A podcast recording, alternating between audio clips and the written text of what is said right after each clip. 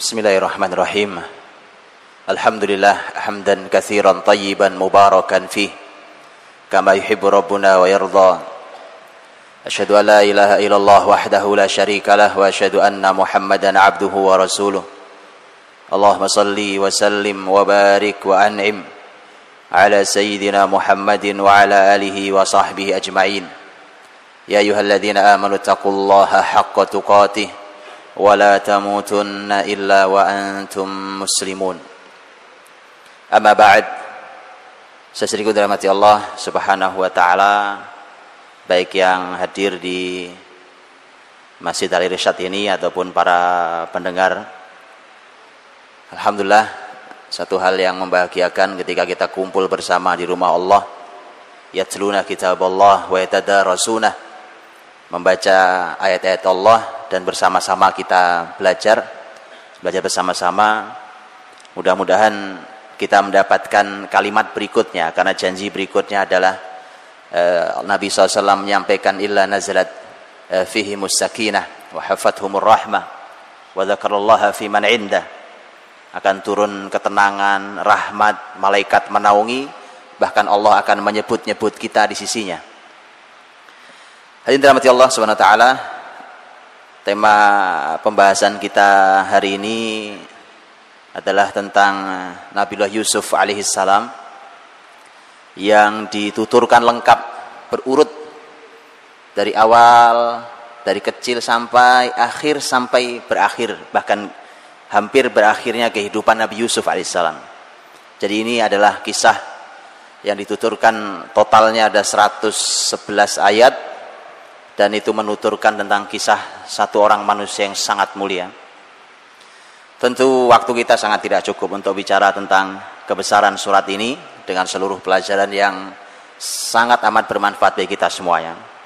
Sebelum saya memasuki ayat-ayatnya, kita akan selami bersama-sama mengambil mutiara hikmahnya.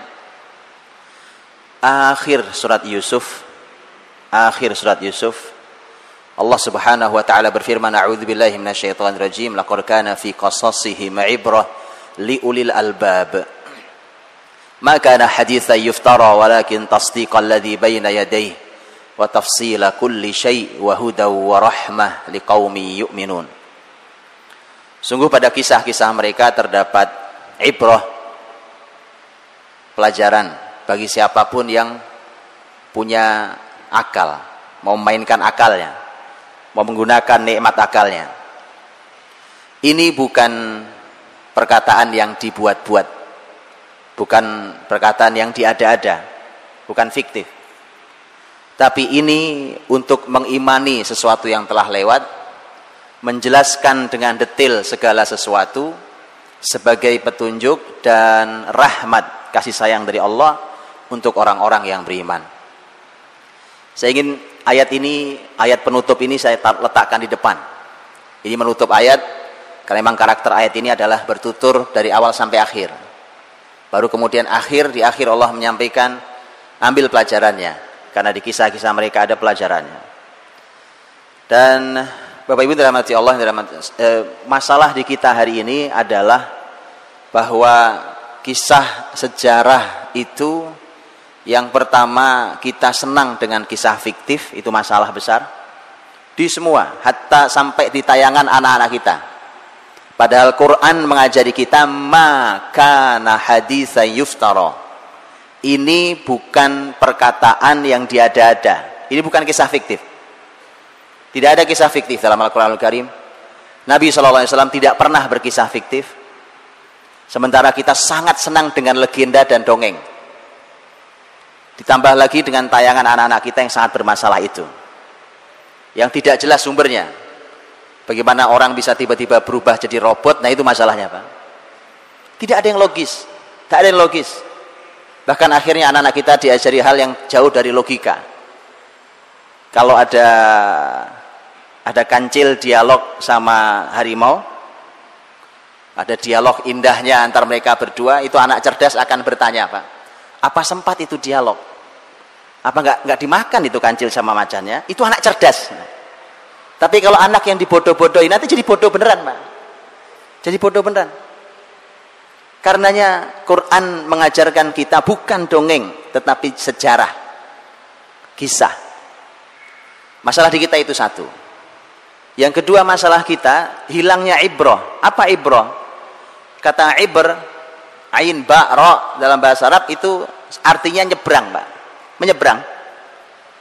Ma'bar itu artinya jembatan. Ya, jembatan atau jalan. Mengapa sejarah disebut sebagai jembatan? atau tempat penyeberangan agar bersambung antara kita yang hidup hari ini di 2015 ini Pak dengan di zaman masa lalu di tahun mana pun di abad mana pun Nabi Yusuf kapan hidupnya jauh jauh sebelum Masehi. Jauh sebelum Nabi Muhammad Shallallahu Alaihi Wasallam. Jadi kita diminta itu. Nah masalah di kita putus jembatannya Pak. Putus jembatan kita hari ini. Kita tidak kenal Rasul kita. Kok begitu Pak? Kita pahlawan kita di sini tidak tahu kita. Sejarah Surabaya ini yang benar bagaimana kita tidak tahu sejarah sebenarnya. Mengoreksi mengoreksi sejarah Indonesia sampai sekarang tidak selesai, Pak. Tidak selesai. Kenapa? Karena takut kalau Islam yang muncul, Pak. Karena sejarah negeri ini adalah sejarah Islam. Mau diapakan pun sejarah Islam. Karena ini perjuangan muslimin. Karena itulah maka putus jembatan kita Begitu putus jembatan kita, putus sekian banyak kebaikan. Akhirnya, begitu kita bicara sejarah, kita bicara tentang sesuatu yang membosankan. Seperti beliau sampaikan tadi, Wan. Eh, membosankan, tidak menarik. Ditambah kalau belajar di sekolah atau di kampus, gurunya tidak menarik pula. Lengkap sudah penderitaan sejarah ini. Lengkap sudah. Saya bilang, subhanallah. Coba untuk perhatikan. Saya tidak akan bicara panjang tentang sejarah, karena itu bicara Nabi Yusuf hari ini. Ini mukotimah bahwa kalau kita coba kita lihat cukuplah datanya cukuplah buktinya bahwa sejarah itu istimewa hanya dengan satu poin sepertiga kitab suci kita Al-Quranul Karim isinya adalah sejarah sepertiganya adalah sejarah artinya Allah ingin panduan kita hidup kita itu sepertiganya sejarah sepertiga sejarah yang pernah membangun generasi luar biasa Seribu tahun lebih ini peradaban terpanjang yang pernah ada dimiliki oleh satu bangsa, satu agama. Seribu tahun lebih. Muslimin dengan semua kebesarannya itu, ternyata itu dibangun dengan konsep sepertiganya adalah sejarah. Tanyakan sekarang ke pendidikan di negeri ini. Baik di sekolah ataupun di rumah atau di kampusnya. Berapa persen sejarah untuk membangun masyarakat masyarakat uh, masyarakat uh, anak-anaknya? Nyaris tidak ada, nyaris tidak ada sejarah menjadi kurikulumnya. Makanya susah payah kita membangunnya padahal Quran sudah mengajari, ajari, bimbing mereka dengan sejarah mudah sekali mengarahkan anak-anak kita. Kita bersusah payah hari ini bicara karakter, karakter, karakter. Tidak jelas tuh mau karakter apa sebenarnya ya kan.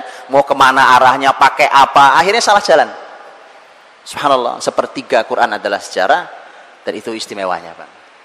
Karenanya kalau ada di antara antum yang kelak jadi menteri pendidikan, saya nitip Pak. Wallahi Pak, sepertiga panduan hidup kita adalah sejarah.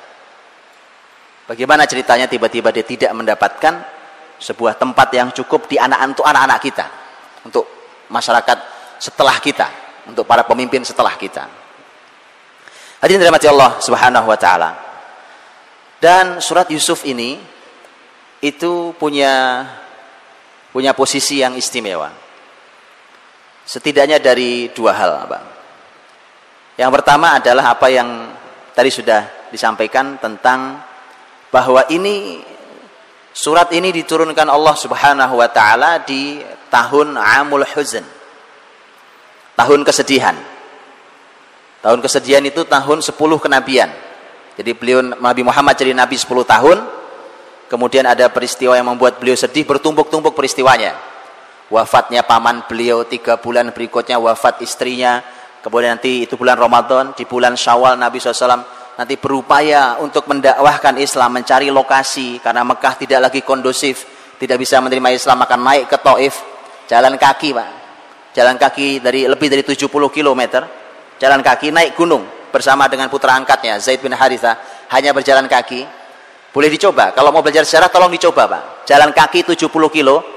Baik, yang kita bayangkan begitu sampai tempat kan minum air es yang dingin, ya kan?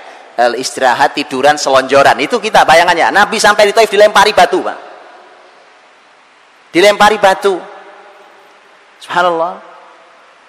Masa itu kesedihan Nabi luar biasa. Kesedihan pamannya yang ternyata sampai akhir tidak mendapatkan eh, hidayah tidak mampu mengucap syahadatain. Eh, istri tercinta yang luar biasa mendukung dakwah beliau Khadijah radhiyallahu anha meninggal. Nabi berdakwah di masyarakatnya dilempari sampai Allah melihat nabinya perlu untuk ditawari agar diazab masyarakat Taif. Tapi kelapangan hati Nabi Shallallahu Alaihi Wasallam telah teruji. Inilah orang yang lapang. Nabi telah dan kita itu orang yang lapang Pak. jadi kalau ada orang hatinya sempit susah memaafkan itu memang bukan umat Muhammad SAW umat Nabi Muhammad itu umat yang sangat lapang hatinya. Kalau bicara pemaafan tanya Rasul SAW Pak. bayangkan benar sudah jauh-jauh jalan dilempari. Dilempari. Malaikat dua datang menawarkan aku timpakan gunung sesuai dengan perintah Allah Subhanahu wa taala. Kalau kau izinkan Muhammad. Kata Nabi tidak. La kata Nabi Muhammad SAW innahum qaumul la ya'lamun wa arju an yakhruja min aslabihim man ya'budullaha wahdah kata Nabi tidak mereka umat yang tidak tahu kalau tahu saya tidak begini kalau saya tahu saya nabi mereka tidak perlakukan saya dengan cara ini. Mereka tidak tahu. Justru saya berharap kelak lahir dari tulang sulbi mereka generasi yang beribadah pada Allah Subhanahu wa taala. Nabi tidak pernah patah harapan, Pak. Bapak ibunya tidak bisa diajari, anaknya diculik, Pak. Dalam tanda kutip diculik ya. Anaknya diambil diajari Islam. Dan benar, Taif itu baru masuk Islam kurang lebih, kurang lebih 12 tahun pasca peristiwa ini. Satu generasi bukan? Anak-anak kalau lahir di Taif usia nol waktu itu, maka mereka baru masuk Islam, anak itu sudah umur 12 tahun. Artinya inilah maka benar kalimat Nabi SAW dan Taif kemudian masuk Islam nanti tahun 9 Hijriah. Hadirin dirahmati Allah. Di masa sedih itulah turun surat Yusuf. Karenanya seorang ulama besar tabi'in, Atha bin Abi Rabah rahimahullah taala beliau mengatakan bahwa orang kalau sedang sedih membaca surat Yusuf maka akan hilang kesedihannya. Boleh dicoba nanti Pak. Nanti silakan dicoba baca surat Yusuf sedihnya hilang apa enggak gitu ya. Kalau enggak ya berarti kita emang enggak paham. Karena saya seorang ahli tafsir atau bin Abi Robah mengatakan itu. Baik, Bapak Ibu rahmati Allah taala. Allah Subhanahu wa taala ini yang pertama eh, tentang Allah memberikan kepada nabinya di masa-masa sulit surat ini. Berarti ini surat memberikan jawaban terhadap kesulitan yang sedang menimpa Rasulnya sekaligus kalau orang sedih berarti dihibur karenanya kalau ada orang sedih bahkan Nabi Muhammad pun perlu hiburan. Dan ternyata untuk lihat hiburan paling efektif itu ternyata sejarah Pak. 111 ayat isinya sejarah satu orang Nabi Yusuf alaihissalam. Untuk apa? menghibur nabinya. Tentu di dalamnya banyak sekali pelajaran yang nanti jadi hikmahnya. Yang kedua mengapa surat ini menjadi istimewa adalah bahwa Nabi Muhammad SAW di sepanjang hidup beliau dalam sejarah beliau itu beliau sangat banyak mengambil kesan yang luar biasa terhadap kisah ini mengambil pelajaran dari surat Yusuf bahkan menjadikannya sebagai kebijakan itu otomatis karena ini ayat untuk kebijakan-kebijakan penting saya berikan e, contoh saya berikan contoh. Nabi SAW ketika beliau sakit sakit beliau menjelang meninggal itu kan Nabi SAW berkata pada istri beliau. Mur Aba Bakar. Falia umman nas. Tolong perintahkan Abu Bakar untuk menggantikan saya mengimami masyarakat. Nabi sudah tidak kuat keluar dari rumahnya karena sakit. Tapi waktu itu putrinya Abu Bakar radhiyallahu anha yaitu istri Nabi Aisyah radhiyallahu anha menyampaikan Abu Bakar jangan jadi imam ya Rasulullah. Karena ayah saya itu kalau jadi imam tuh Pak, itu Al-Fatihah susah selesainya karena beliau itu orang yang mudah sekali menangisnya. Kemudian Nabi SAW mengatakan, Inna kunna sawahibu Yusuf. Kata Nabi, kalian ini kayak saudara-saudaranya Yusuf aja kerjaannya. Udah, segera perintah saja. Ya, Nabi mengatakan, kamu ini kayak saudara-saudaranya Yusuf aja. Pak. Dalam hal yang lebih penting dari itu, lebih besar daripada itu adalah ketika Rasulullah Shallallahu Alaihi Wasallam diberikan anugerah Allah Subhanahu Wa Taala uh, fatham mubina. Inna fatahna laka fatham mubina. Kemenangan besar Nabi SAW adalah Fathu Makkah. Tahun 8 Hijriah ketika Nabi SAW berhasil membuka Mekah membersihkan dari kemusyrikan masyarakat yang mendapat hidayah. Begitu mendapatkan hidayah antum sudah bisa bayangkan peristiwanya bisa digambarkan bisa di, silakan dibayangkan. Beberapa pembesar yang masih hidup. Orang-orang Quraisy yang dulu menyakiti Nabi SAW yang dulu menghina Nabi SAW bahkan ada yang hampir berniat membunuh Nabi SAW itu ternyata ketika Nabi sudah menguasai Mekah terbayang oleh antum betapa gemetarannya mereka apalagi Nabi masuk Mekah itu Nabi sempat mengumumkan orang-orang yang halal darahnya walaupun sedang bersembunyi di balik kiswah Ka'bah disebutkan nama-namanya termasuk yang dihalalkan darahnya adalah Ikrimah putranya Abu Jahal itu anak sama bapak sama stel satu stel itu Pak tapi subhanallah Ikrimah nanti menjadi muslim. Muslim yang mukmin yang sejati. Ikrimah lari, Pak. Lari dari Mekah karena dia takut. Yang jelas bayangkan betapa ketakutannya para pembesar Quraisy saat itu. Orang-orang yang dulu jahatnya luar biasa. Sudah ketakutan seperti itu, mereka sudah tidak punya kekuatan melawan. Dikumpulkan di samping Ka'bah. Nabi naik ke pintu Ka'bah. Bisa dibayangkan naik pintu Ka'bah Pintu Ka'bah Nabi naik ke atasnya, di depannya pembesar-pembesar yang kumpul sedang gemetaran. Nabi SAW lihat cara bertanyanya, tambah membuat gemetaran. Mata dhunnun an yuf'ala bikum. Menurut kalian mau saya apakan kalian? Orang sudah gemeteran digitukan atau bayangkan itu. Itu bagus tidak buang air kecil di tempat itu, Pak. Mata dhunnun an yuf'ala bikum. Akhirnya mereka ya tidak punya kalimat kecuali akhun karim, ibnu akhin karim. Engkau kan saudara kami yang baik. E, kamu juga anaknya saudara kami yang baik. Orang kalah itu, Pak. Itu bahasa orang kalah ya.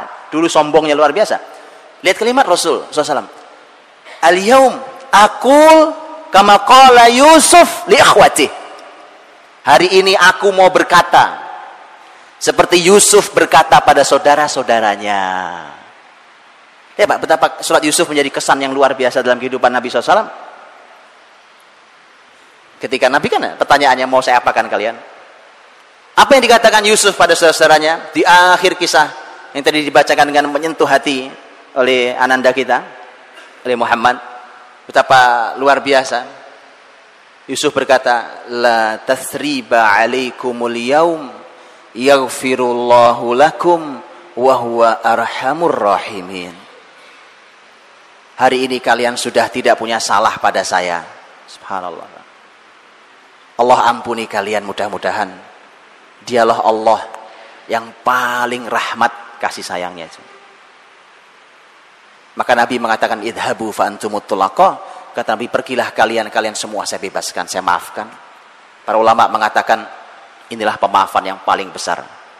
Karena Nabi SAW mampu memaafkan saat Nabi mampu membalas. Itu pemaafan yang paling besar. Baik. Nanti kita akan lanjut. Baik, Bismillah. Alhamdulillah wassalatu wassalamu ala Rasulillah. Wa ba'd. Saya dirahmati Allah Subhanahu wa taala. Mitra muslim hafizakumullah. Kita lanjutkan tentang kisah surat Yusuf yang kita belum masuk materinya dari tadi. Eh, kita akan bacakan ayatnya dan kita akan ambil beberapa poinnya yang mudah-mudahan manfaat untuk kita semuanya. Allah Subhanahu wa taala membuka surat Yusuf dengan firman-Nya A'udzubillahi minasyaitonirrajim. Bismillahirrahmanirrahim. Alif lam ra tilka ayatul kitabil mubin. Dan setelah pembukaan ini maka Allah Subhanahu wa taala menyampaikan kepada kita tentang inna anzalnahu qur'anan arabiyyan la'allakum ta'qilun. Imam Ibnu Katsir punya perkataan penjelasan yang baik tentang ayat ini, luar biasa. Ketika beliau menyampaikan mengapa Quran harus berbahasa Arab? Kenapa Quran harus berbahasa Arab? Dan itulah mengapa pasti kita akan ada habisnya bahasa kita gampangnya kita akan mentok habis kalau tidak bisa berbahasa Arab. Itu sudah pasti. Karenanya Allah menyampaikan inna anzalnahu qur'anan arabiyya la'allakum ta'qilun mudah-mudahan kalian berakal.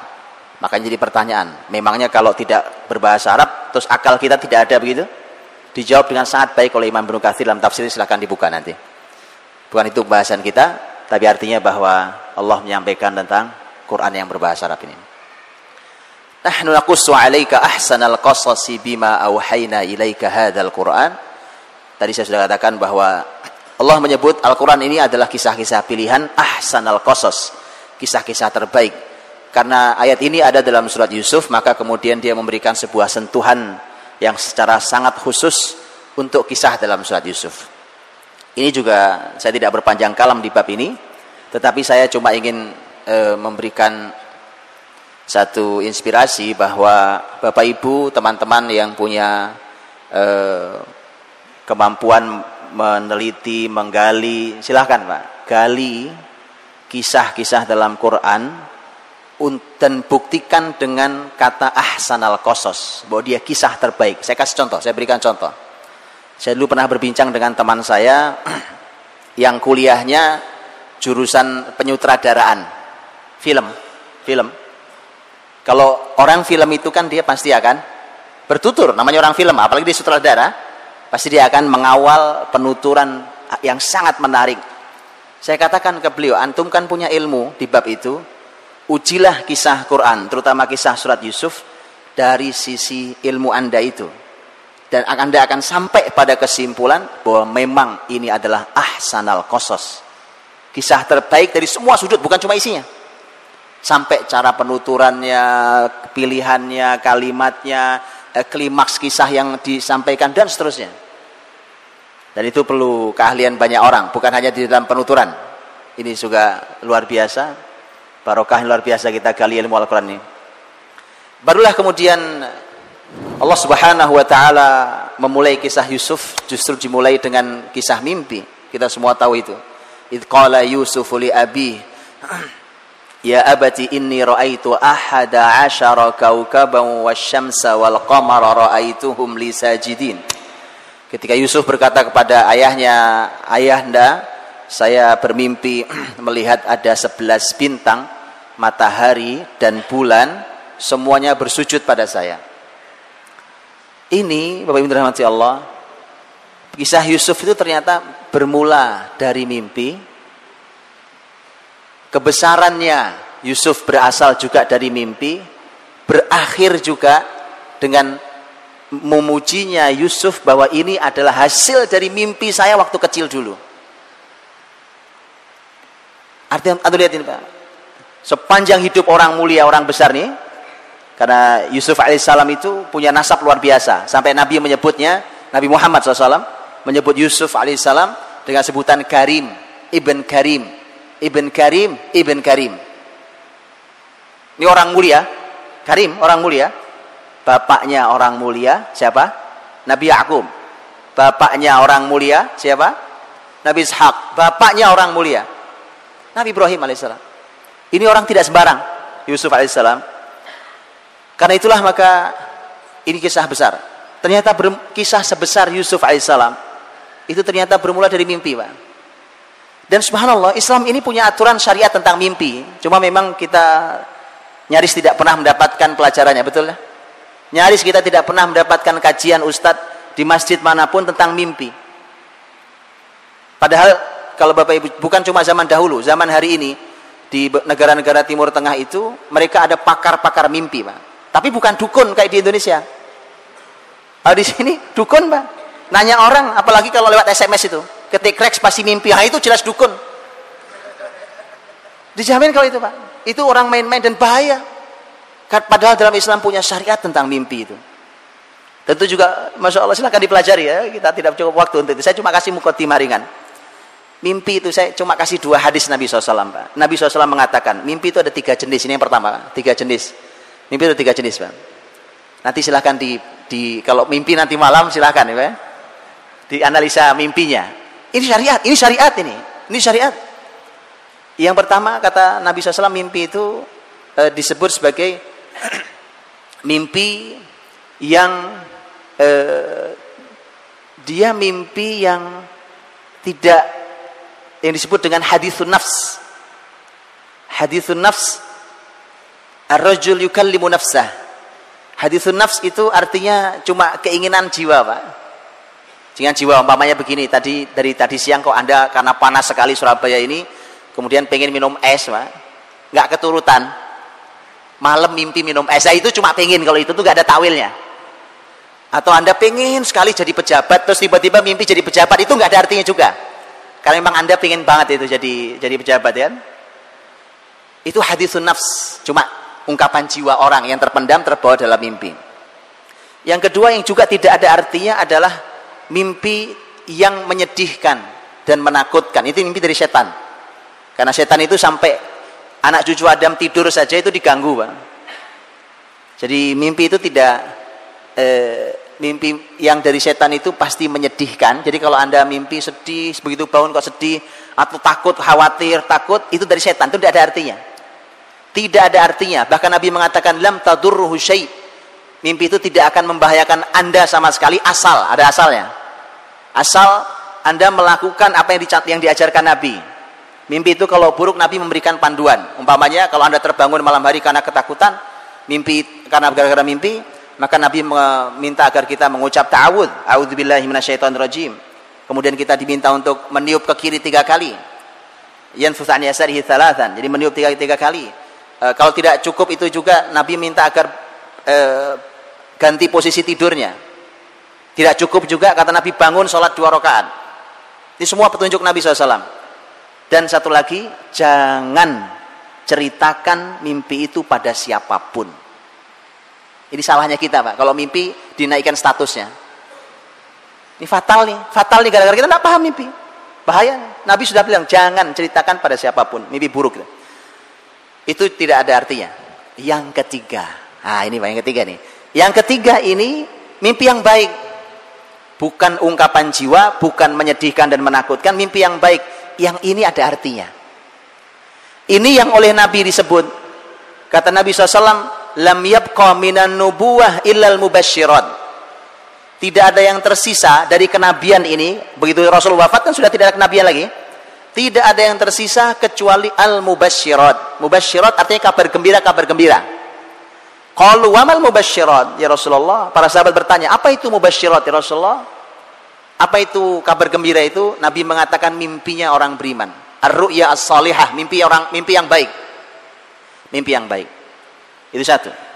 Dan yang kedua yang ingin saya sampaikan Bapak Ibu rahmati Allah, Nabi SAW bersabda dalam hadis yang sahih, bahkan diriwayatkan dalam Sahih Bukhari Muslim. Nabi mengatakan bahwa idza zaman fala yakadu ru'yal mu'min yakdzib. Kalau zaman sudah makin dekat dengan kiamat, maka mimpi orang beriman nyaris tidak pernah salah. Lihat ini kalau ada orang, masya Allah orang beriman bapak ibu nih bermimpi, mimpi anda tidak salah pak. Ini kalau mimpi yang baik tadi. Sayangnya di kita tidak ada yang ahli dalam bab ini. Harusnya ada yang ahli pak. Harusnya ada itu. Maka bapak ibu yang ahli Quran, ahli hadis, karena syarat untuk menjadi penakwil mimpi harus ahli Quran, ahli hadis pak. Kalau tidak pasti dukun.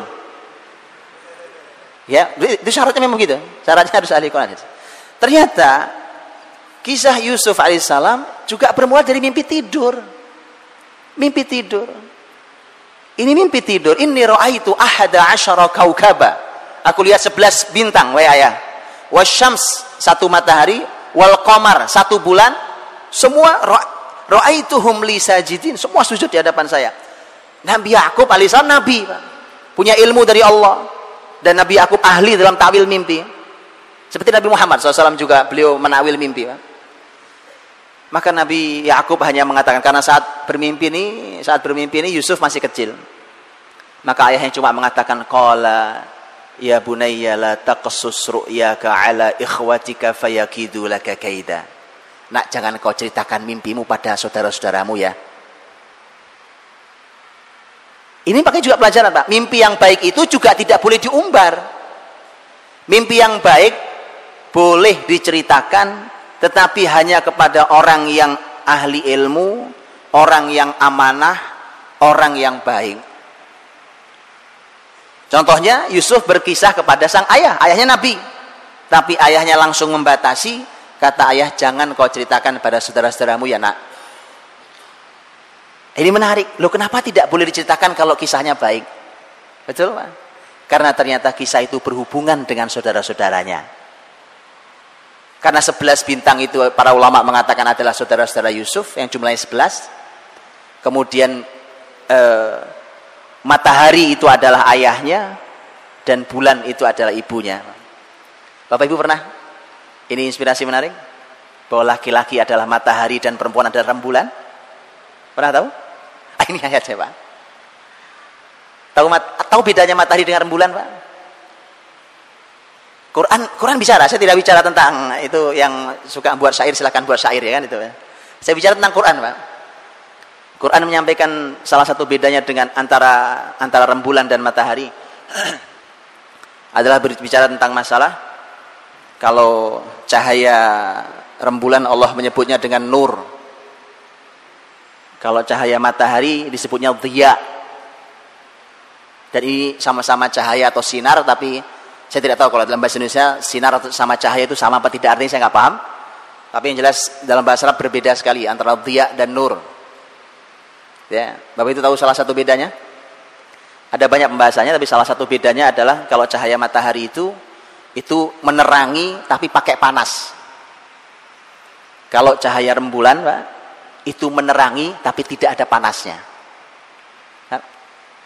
Bapak Ibu tahu Nabi menyebut as-salatu nur. Salat adalah cahaya tapi menggunakan kata nur.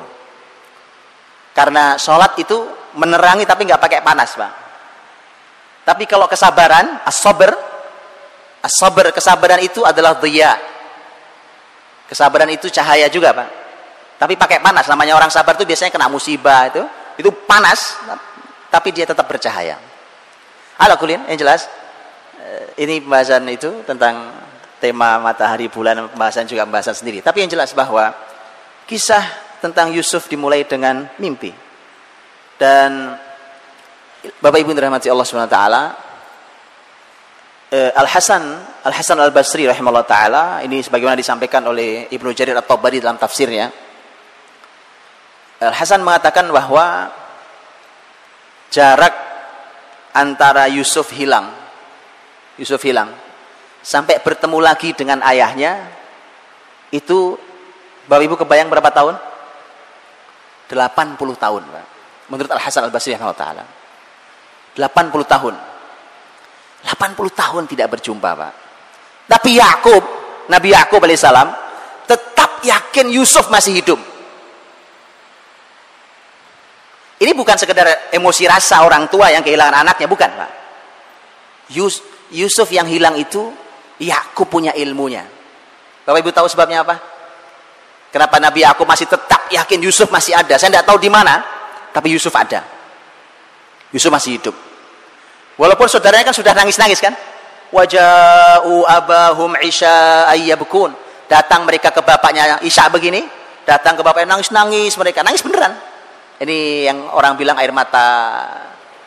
Saya tidak tahu Pak buaya itu terjadi tertuduh gimana ceritanya saya nggak paham.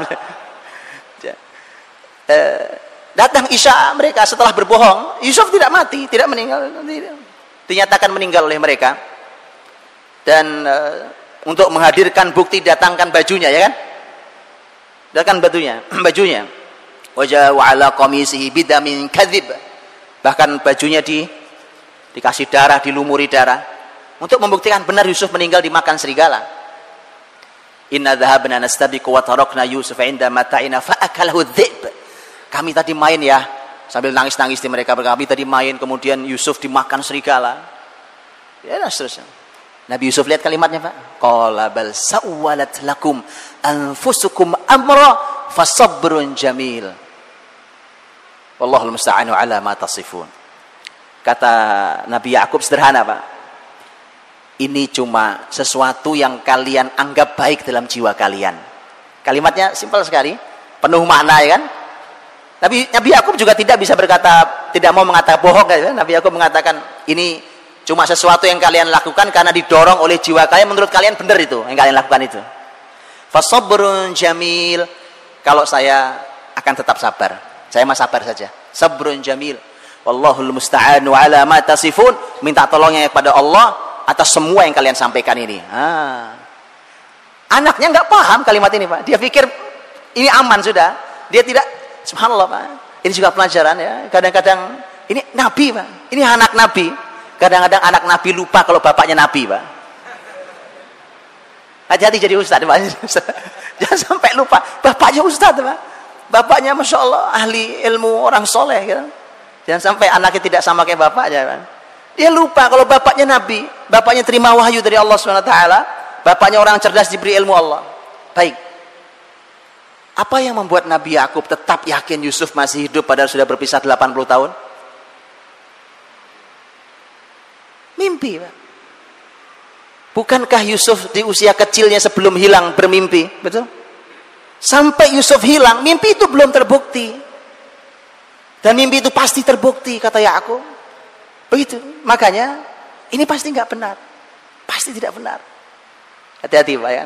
Bohong eh, mudah dibongkar dengan cara yang oleh ahli yang sangat sederhana ya kan. Jadi jangan bohong Pak.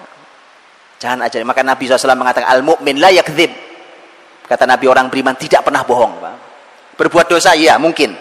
Ya, orang khilaf apa berbuat dosa, tapi bohong tidak. Bohong tidak Pak. Jadi karena mimpi itu. Dan mimpi itulah yang kemudian menganti mengantarkan Yusuf karena lihat Al-Qur'an Al Karim ketika Quran mengatakan ketika Yusuf di diambil uh, dibeli eh, wa qala ladzi ishtarahu min misali imraatihi akrimi mathwa uh, ketika Yusuf ditemu itu kan dibeli sama dibeli sama uh, Aziz Misr Aziz Misr Nanti di sini ada beberapa kalimat, Pak. Ada Aziz, ada Malik. Ini beda. Kalau Aziz itu salah satu penguasa, kalau Malik itu raja Mesir. Ini salah satu penguasa Mesir. Disebutkan dalam tafsir Aziz ini posisinya adalah memang bagian ke ekonomi, Pak. Jadi ini memang kurang lebih kurang lebih menteri ekonomi lah, Pak. Kurang lebih, Pak. Ini raja, ada Malik raja. Ini juga dahsyat Pak. Sebelum saya lanjutkan kisah, mumpung saya lewat, mumpung saya ingat kata Malik Pak. Ini mukjizat Quran. Dan bukti bahwa Quran Quran ini cara menggali kisahnya Bapak Ibu tidak sama dengan buku sejarah. Kalau buku sejarah itu kalimatnya yang nyusun ahli sejarah. Baik, dan tidak mukjizat kalimatnya. Kalau Quran, Quran itu mukjizat kalimatnya. Makanya Quran itu, ini mukjizat kalimat, mukjizat Quran. Kadang-kadang Allah menunj ingin menunjukkan ilmu sangat penting. Ilmu sangat besar hanya di balik satu kata. Kadang-kadang di balik satu huruf. Itu Quran, Pak. Nah, kalau Bapak Ibu belum bisa menemukan itu, tolong belajar Quran lagi. Betulan, Pak? Ini tidak sulit. Ini bukan bukan harus ulama tafsirnya ada. Ini muslim semua bisa. Muslim semua bisa asal mau belajar Qurannya. Bisa, Pak. Saya kasih contoh. Di Quran di surat Yusuf ini Allah Subhanahu wa taala berfirman tentang kata raja. Wa qala al-malik. Al-malik artinya raja. Inni ara sab'a baqaratin simani yakuluhunna sab'un ijafu wa sab'a sumbulatin khudri wa ukhra yabisat. Kisah mimpinya. Jadi raja menceritakan mimpinya, aku melihat mimpi begini begini begini. Oke. Para ulama membahas mengapa Al-Qur'an menyebutnya dengan sebutan Al-Malik raja Bukankah yang sedang dibicarakan adalah penguasa Mesir? Betul ya? Kalau penguasa tertinggi Mesir, apa nama gelarnya? Firaun. Firaun itu gelar. Kenapa di sini Malik? Dan Bapak Ibu perlu pahami, Bapak Ibu ketika membuka Injil, Injil yang sekarang, mereka menggunakan kata Firaun, bukan raja. Quran yang menggunakan kata raja, bukan Firaun. Lihat bedanya? Injil ini bukti bahwa bahwa itu kitab suci yang sudah diubah-ubah, Pak. Injil menyebutnya Firaun. Zaman Musa disebut juga Firaun. Eh? Quran membedakan. Quran bicara tentang Musa apa sebutannya? Firaun. Tapi bicara tentang Yusuf menyebutnya Raja Al-Malik. Para ulama membahas, Pak. Dan ternyata ini mukjizat. Ternyata ilmu pengetahuan hari ini membuktikan bahwa Yusuf ada di zaman ketika bukan Fir'aun pemimpinnya. Fir'aun itu, Bapak Ibu rahmati Allah, itu agak belakangan mimpin Mesir dibandingkan raja. Jadi Mesir itu sempat mengalami masa yang mimpin bukan orang asli Mesir. Orang asli Mesir itu yang memimpin nanti baru dapat gelar Fir'aun. Tapi itu munculnya belakangan. Sebelum itu, itu pemimpin-pemimpin Mesir, itu nama disebut uh, diungkap dalam sejarah namanya Heksos. Heksos itu arti sebenarnya itu adalah para penggembala yang jadi raja. Dan itu dari masyarakat e, dari masyarakat Amalikoh atau masyarakat Arab yang memimpin Mesir itu. Jadi bukan orang asli Kipti, bukan orang Egypt asli. Dan karena itulah maka Allah ingin menyampaikan kepada kita semuanya dengan satu kata Al-Malik dengan satu kata Al-Malik. Jadi kalau saya uraikan jadi begini, ini kalau bahasa saya. Lihat, dengan satu kata mukjizat Quran Al-Malik kalau diuraikan jadi begini. Menunjukkan bahwa di zaman Yusuf berada di Mesir, penguasanya bukan asli orang Mesir, bahkan sebelum masa Fir'aun hadir, penguasanya disebut namanya Heksos. Heksos itu artinya penggembala, penggembala yang memimpin, itu ada yang mengatakan dari masyarakat eh, Amalikoh, ada yang mengatakan dari masyarakat Arab. Jadi panjang banget kan? Hanya dengan sebutan satu kata, Al-Malik. Ini Quran, Pak. Ini Quran. Dan beginilah khas Quran dalam menuturkan apa saja. Baik, itu Al-Malik ya. E, kembali, bahwa ketika ketika dibeli oleh Aziz, yang beli itu bukan raja, yang membeli adalah Aziz Misr. Aziz Misr yang disebutkan bahwa dia adalah memang e, bagiannya adalah bagian ekonomi di Mesir saat itu diamanahinya sebagai bagian ekonomi itu yang membeli Yusuf yang nanti Yusuf digoda sama istrinya nah itu digoda sama istrinya dan ternyata diambillah jadi anak. Di ayat itu Allah berfirman wa kadzalika makanna li yusufa fil ard walinu'allimahu min ta'wilil ahadith. Begitulah kami teguhkan kami kokohkan posisi Yusuf di muka bumi. Dan kami ajarkan kepadanya takwil mimpi balik mimpi lagi kan? Balik ada dua kata Pak. Yang pertama adalah untuk tamkin. Tamkin. Yusuf akan dibuat kokoh orang besar punya posisi besar itu tamkin. Kuat sekali Yusuf. Padahal waktu dibeli ini posisinya masih budak. Lihat subhanallah. Allah sudah katakan dia kelak jadi orang besar. Sekarang sih posisinya budak itu bapak ibu makanya orang itu tidak boleh hanya melihat apa yang terjadi hari ini. Ada orang susah, ada orang sengsara, ada orang anak nggak pinter, ada apa segala macam. Subhanallah, kita tidak hidup hari ini.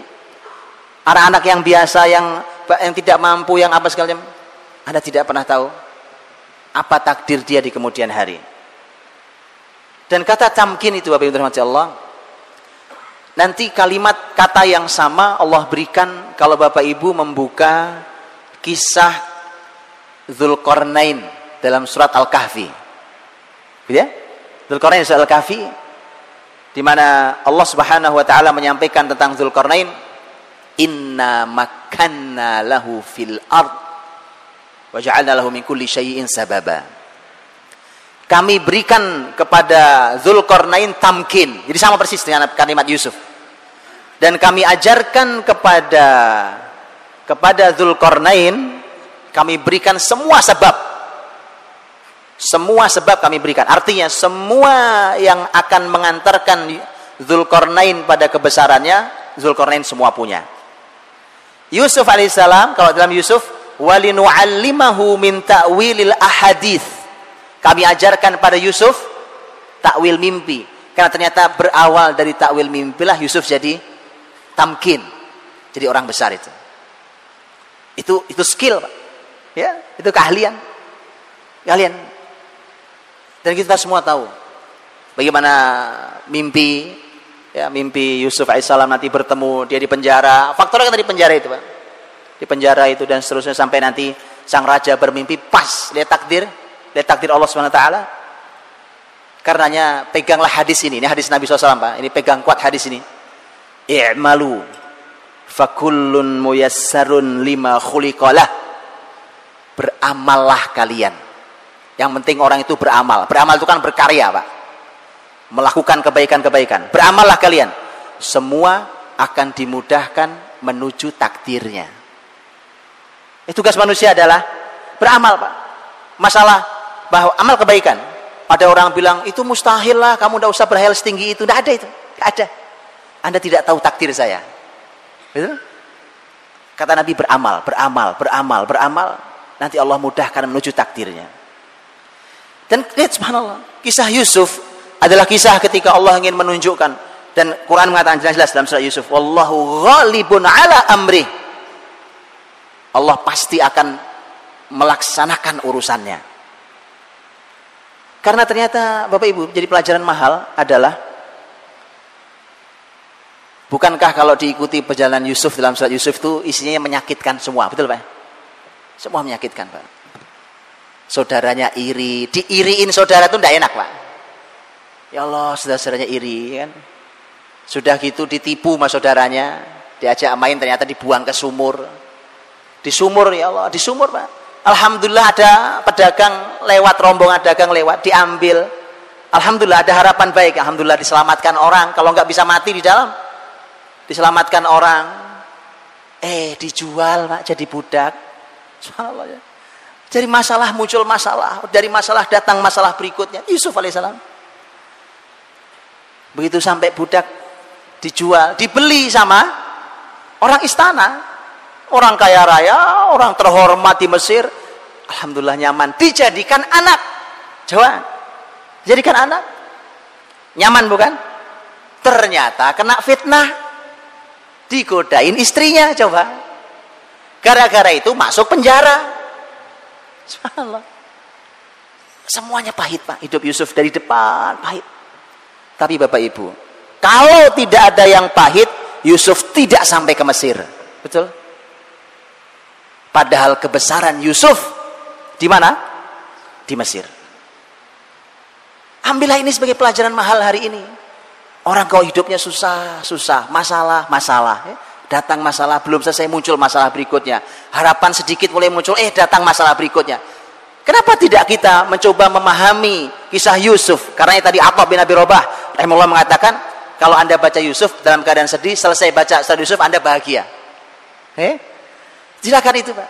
Ambil itu pelajarannya, anggaplah semua kesulitan ini, semua masalah kita ini, harga yang harus kita bayar hari ini untuk kebesaran yang kita tidak tahu di mana kebesaran itu nantinya. Baik. Jadi hilang sedihnya kan? Alhamdulillah. Enggak apa-apa ya Allah. Aku tahu di balik ini ada kebesaranku. Wah gitu. Enggak apa ya Allah. Kalau memang ini bayarannya, ini harganya aku bayar ya Allah. Bismillah ya kan, sabar. Karena Nabi aku mengatakan fasobrun jamil. Kasus kisah eh, Yusuf, yang sedih bukan cuma Yusuf, Pak Bapaknya sedih. Kita semua tahu sedihnya sampai buta. Wabial aina. Sampai matanya e, buta. Dan ini ini menarik Pak di kata wabial aina, kata ibyad itu artinya sebenarnya putih Pak, bukan buta. Matanya bukan buta, matanya itu tapi terjemahnya buta, memang buta. Ibyad itu mata jadi memutih. Karenanya subhanallah saya pernah baca penelitian uh, wallah alam saya pernah baca penelitian uh, seorang profesor kimia dari Mesir profesor uh, dokter uh, Abdul Somad uh, Abdul Basit As-Sayyid. Seingat saya Abdul Basit As-Sayyid.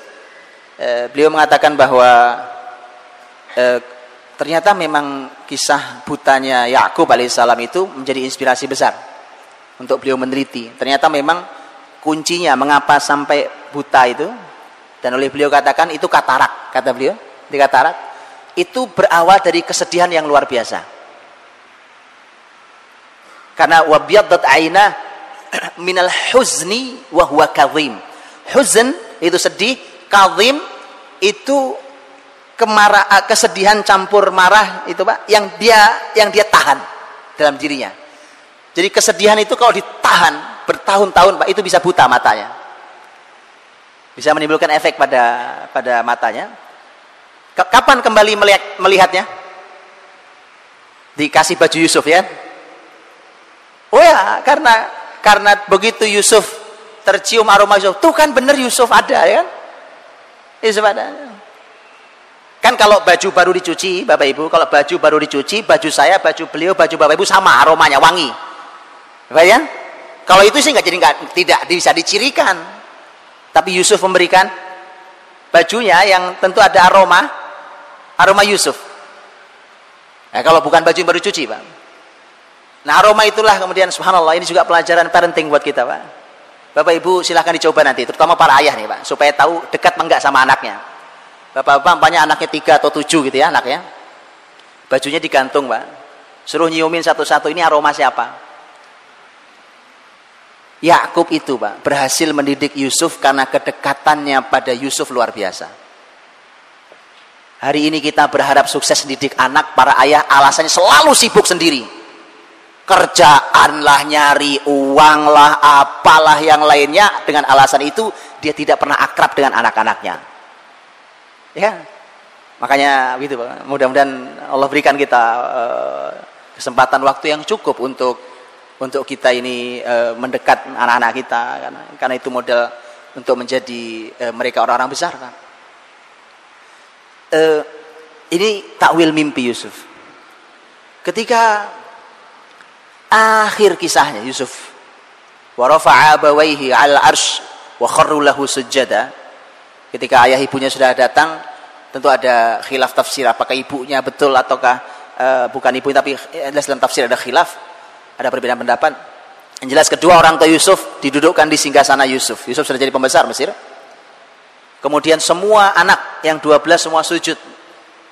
Sujud di situ para ulama tafsir mengatakan ini syariat yang sudah dihapus. Ya sudah dihapus. Dulu penghormatan paling mulia buat orang tua adalah sujud. Dulu dulu. Sujud sempurna kayak kita sholat itu sudah tidak boleh lagi. Ya birul walidain ada ada syariat dalam Islam eh, di ajaran Nabi Muhammad SAW ini dulu zaman Nabi Yakub begitu penghormatan tinggi pada eh, orang tuanya dan Yusuf berkata salah satu kalimat Yusuf hadza ta'wilu ru'yaya min qabl ayah inilah tafsir mimpiku yang dulu. Subhanallah Pak, lihat, lihat tuh. Jadi kisah ini cuma dari ujung ke ujung mimpi aja Pak isinya ini. Mimpi Pak. Mimpi tidur ya, yang Allah buktikan betul. Ini tafsir mimpi yang dulu ya. Baik, Bapak yang dirahmati Allah SWT. Di dalam uh, kisah Yusuf juga ada banyak pelajaran lain. Saya berikan contoh pelajaran yang lain, Bapak Ibu. Karena kisah kisah ini berhubungan sangat erat juga dengan tema kekeluargaan, tema keluarga. Karena awalnya kan sebenarnya sebenarnya bahwa Yusuf kenapa sampai dibuang? Itu kan faktornya karena saudara-saudaranya iri. Iri pada Yusuf dan eh, saudaranya Yusuf, adiknya eh, Bunyamin. Mereka mereka mengatakan bahwa la Yusuf wa akhuhu ahabbu ila abina minna wa nahnu usbah. Yusuf ini, jadi saudara-saudaranya yang 10 orang tuh rapat, Pak. Jadi rapat, rapat kok ya jelek ya. Jadi memang ada rapat jelek itu memang ya. Ini rapat, Pak. Yusuf ini kata mereka dan saudaranya Bunyamin itu kok lebih dicintai ya sama ayah kita. Padahal kita ini kan jumlahnya lebih banyak. Jadi berdua kita sepuluh. Kenapa Yusuf lebih dicintai? Ini ada beberapa pelajaran yang disampaikan para ulama, Pak. Bapak Ibu dirahmati Allah SWT. Lihatlah orang, kebanyakan tuh suka melihat kuantitas tidak kualitas, Pak. Ini sepuluh, ini cuma dua. Gitu. Mereka menganggap yang sepuluh ini mestinya harus lebih diperhatikan. Padahal Yakub punya tolok ukur kualitas. Betul kan? Dari 12 siapa jadi nabi? Yusuf saja. Maka pasti dia punya kualitas sejak kecil. Terlihat kualitas itu. Makanya sering kali orang hanya suka memandang masalah jumlah kita kan banyak. Kenapa? Ya, ini bukan masalah jumlah. Bahkan Nabi Muhammad sudah mengatakan bal antum kuthur di hari akhir ketika muslimin kayak eh, makanan di meja hidangan disantap musuh dari kanan kiri seperti hari ini sahabat sampai heran apakah kita sedikit ya Rasulullah kata Nabi tidak justru jumlah kalian banyak sekali saat itu ini bukan masalah jumlah. Ini masalah kualitas orang. Dan kita diajari dalam sejarah Nabi Muhammad Bapak Ibu rahmati Allah. Kita diajari bahwa dalam sejarah Nabi Muhammad SAW nggak perlu banyak orang pak untuk membuka sebuah kota. Ya kan? Modal Nabi di Mekah mengawalinya hanya dengan beberapa orang. Hanya ada Nabi Muhammad yang masuk Islam istrinya Khadijah anak-anaknya kemudian anak angkatnya Zaid bin Haritha teman paling akrabnya Abu Bakar kemudian eh, sepupunya yang diasuhnya yaitu Ali bin Abi Thalib modalnya cuma itu Ternyata di Madinah modal Nabi membuka Madinah sampai nanti Madinah menjadi pusat peradaban Islam juga cuma dengan enam orang. Enam orang pertama yang masuk Islam yang mereka bergerak. Enam orang. Yang setahun berikutnya muncul bayat akobah satu. Artinya bahwa kita diajari dalam syariat memang jumlah itu buat muslimin biasa saja. Oh, jumlah penting, jumlah penting. Tapi jumlah itu bukan segala-galanya buat muslimin. Pak. Ini masalah kualitas. Banyak, tapi tidak berkualitas. Baik. Nah, Bapak Ibu dirahmati Allah SWT. Tapi ada pelajaran berikutnya yang penting adalah inilah ketika ketika mereka salah memahami, Pak. Maka berbahaya ketika di antara anak-anak kita muncul rasa eh, tidak diperlakukan dengan sama. Itu bahaya. Dan Bapak Ibu lihat, begitu mereka sudah di rapat itu mereka melontarkan permasalahan rapatnya bahwa yang sedang kita bahas adalah Yusuf dan saudaranya yang lebih dicintai oleh ayah kita. Itu masalahnya. Bapak Ibu tahu usulan pertama? Usulan pertama di rapat itu apa? Uqtulu Yusuf. Yaudah, bunuh aja Yusuf. Persis, ini persis sama dengan ayat di surat Al-A'raf. Persis sama. Berkisah tentang watlu alaihim naba abnai Adam. Dua anak Adam. Dua anak Adam Pak.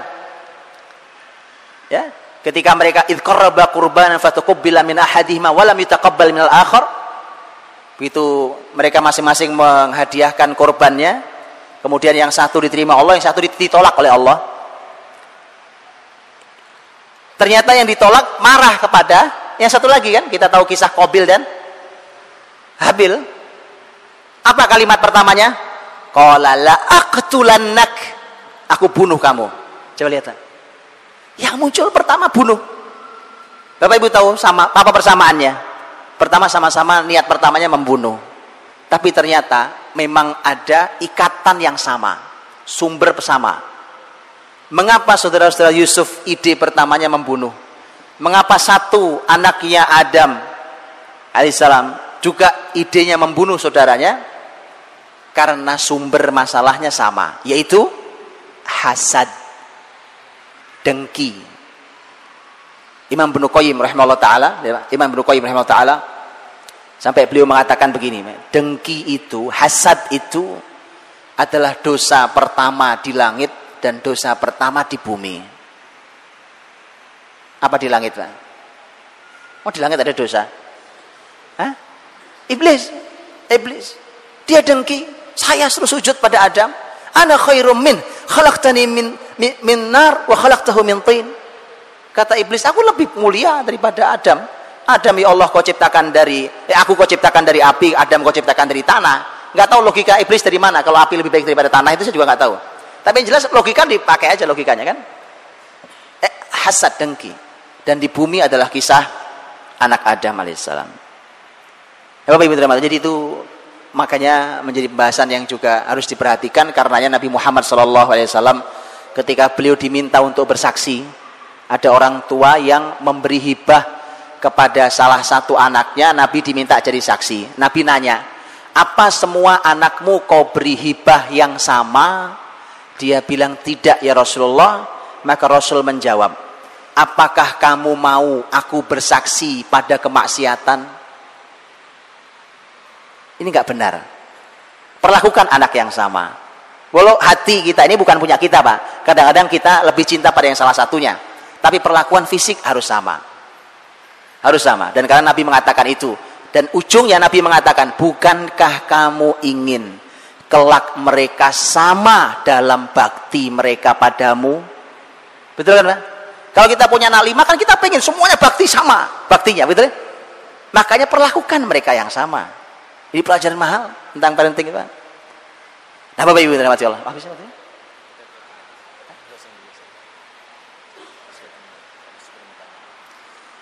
Tapi dirahmati Allah SWT.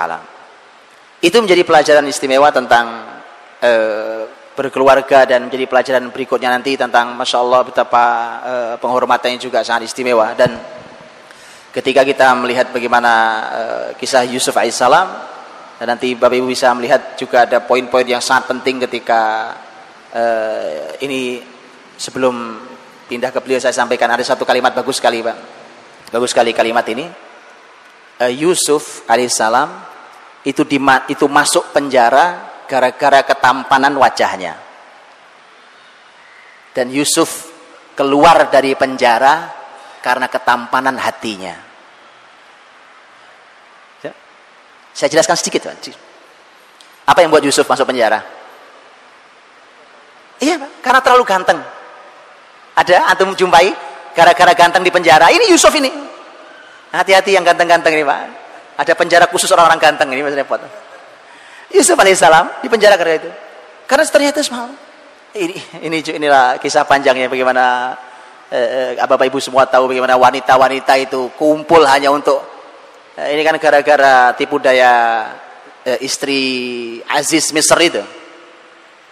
Ya, karena dia digunjing wa qala niswatun fil madinati imra'atul aziz turawidu fataha an nafsiha qad syahwafaha hubba.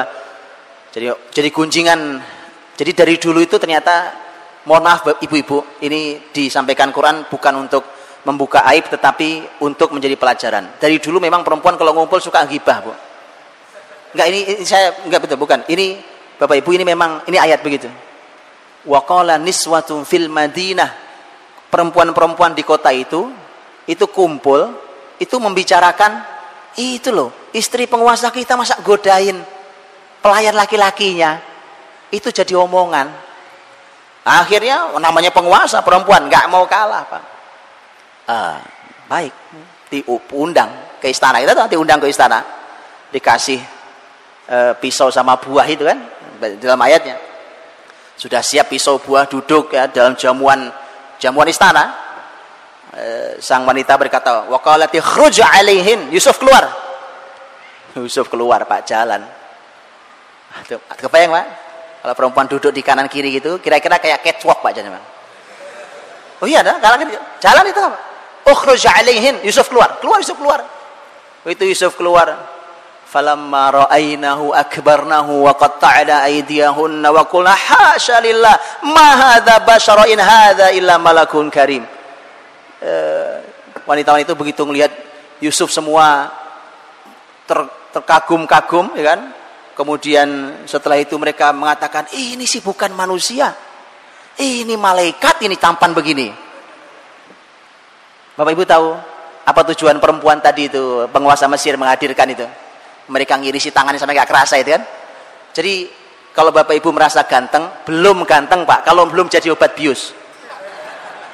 Lo itu itu ngiri sampai gak kerasa loh pak. Itu bius paling dahsyat itu pak. Ganteng tampan sampai jadi makanya Nabi Muhammad mengatakan bahwa Yusuf u'tiya Yusuf syatral husn Yusuf diberi separuh ketampanan itu kan ada Yusuf alaihissalam dan ternyata memang eh, ketika itulah maka sebenarnya perempuan itu ingin mengatakan begini pada perempuan lain. Ini perempuan-perempuan yang tadi ngirisi tangannya, dia cuma ingin berkata, kalian baru lihat sekali sudah ngirisi tangan. Aku lo tiap hari ngeliat dia. Betulan Pak ini jadi sampai jadi siksaan tersendiri ketampanannya. Baik, dan itu uh, ternyata ternyata itulah yang menyebabkan nanti uh, Yusuf karena akhirnya perempuan itu mendeklarasikan sudah nggak ada malunya mendeklarasikan bahwa saya akan penjara dia kalau dia tidak turuti kemauan saya udah terlanjur pada terlanjur ya. maka Yusuf berdoa qala rabbis sijnu ahabbu ilayya mimma yad'unani ilayhi ya Allah penjara lebih aku cintai lebih aku sukai daripada ajakan mereka subhanallah itu makanya Yusuf masuk penjara gara-gara ketampanan wajahnya tapi dia keluar dari penjara gara-gara Ketampanan hatinya karena berawal dari obrolan dia dengan dua orang pemuda yang di penjara itu kan. Yang eh, nanya tentang mimpinya dua-duanya. Yang satu pemberi minum raja, yang satu pemberi makan raja. Kisahnya panjang tapi yang jelas eh, dan itulah nanti yang menyebabkan sang raja tahu di penjara ternyata ada orang namanya Yusuf ahli dalam takwil mimpi itu ilmu dia. Ilmu dia dan dua orang bertanya pada Yusuf itu bermula dari inna naraka minal muhsinin kami melihatmu wahai Yusuf itu orang baik-baik orang baik hati yang baik. Dan karena itulah Yusuf dikeluarkan oleh Allah Subhanahu wa taala eh, dari penjaranya. Wallahu a'lam.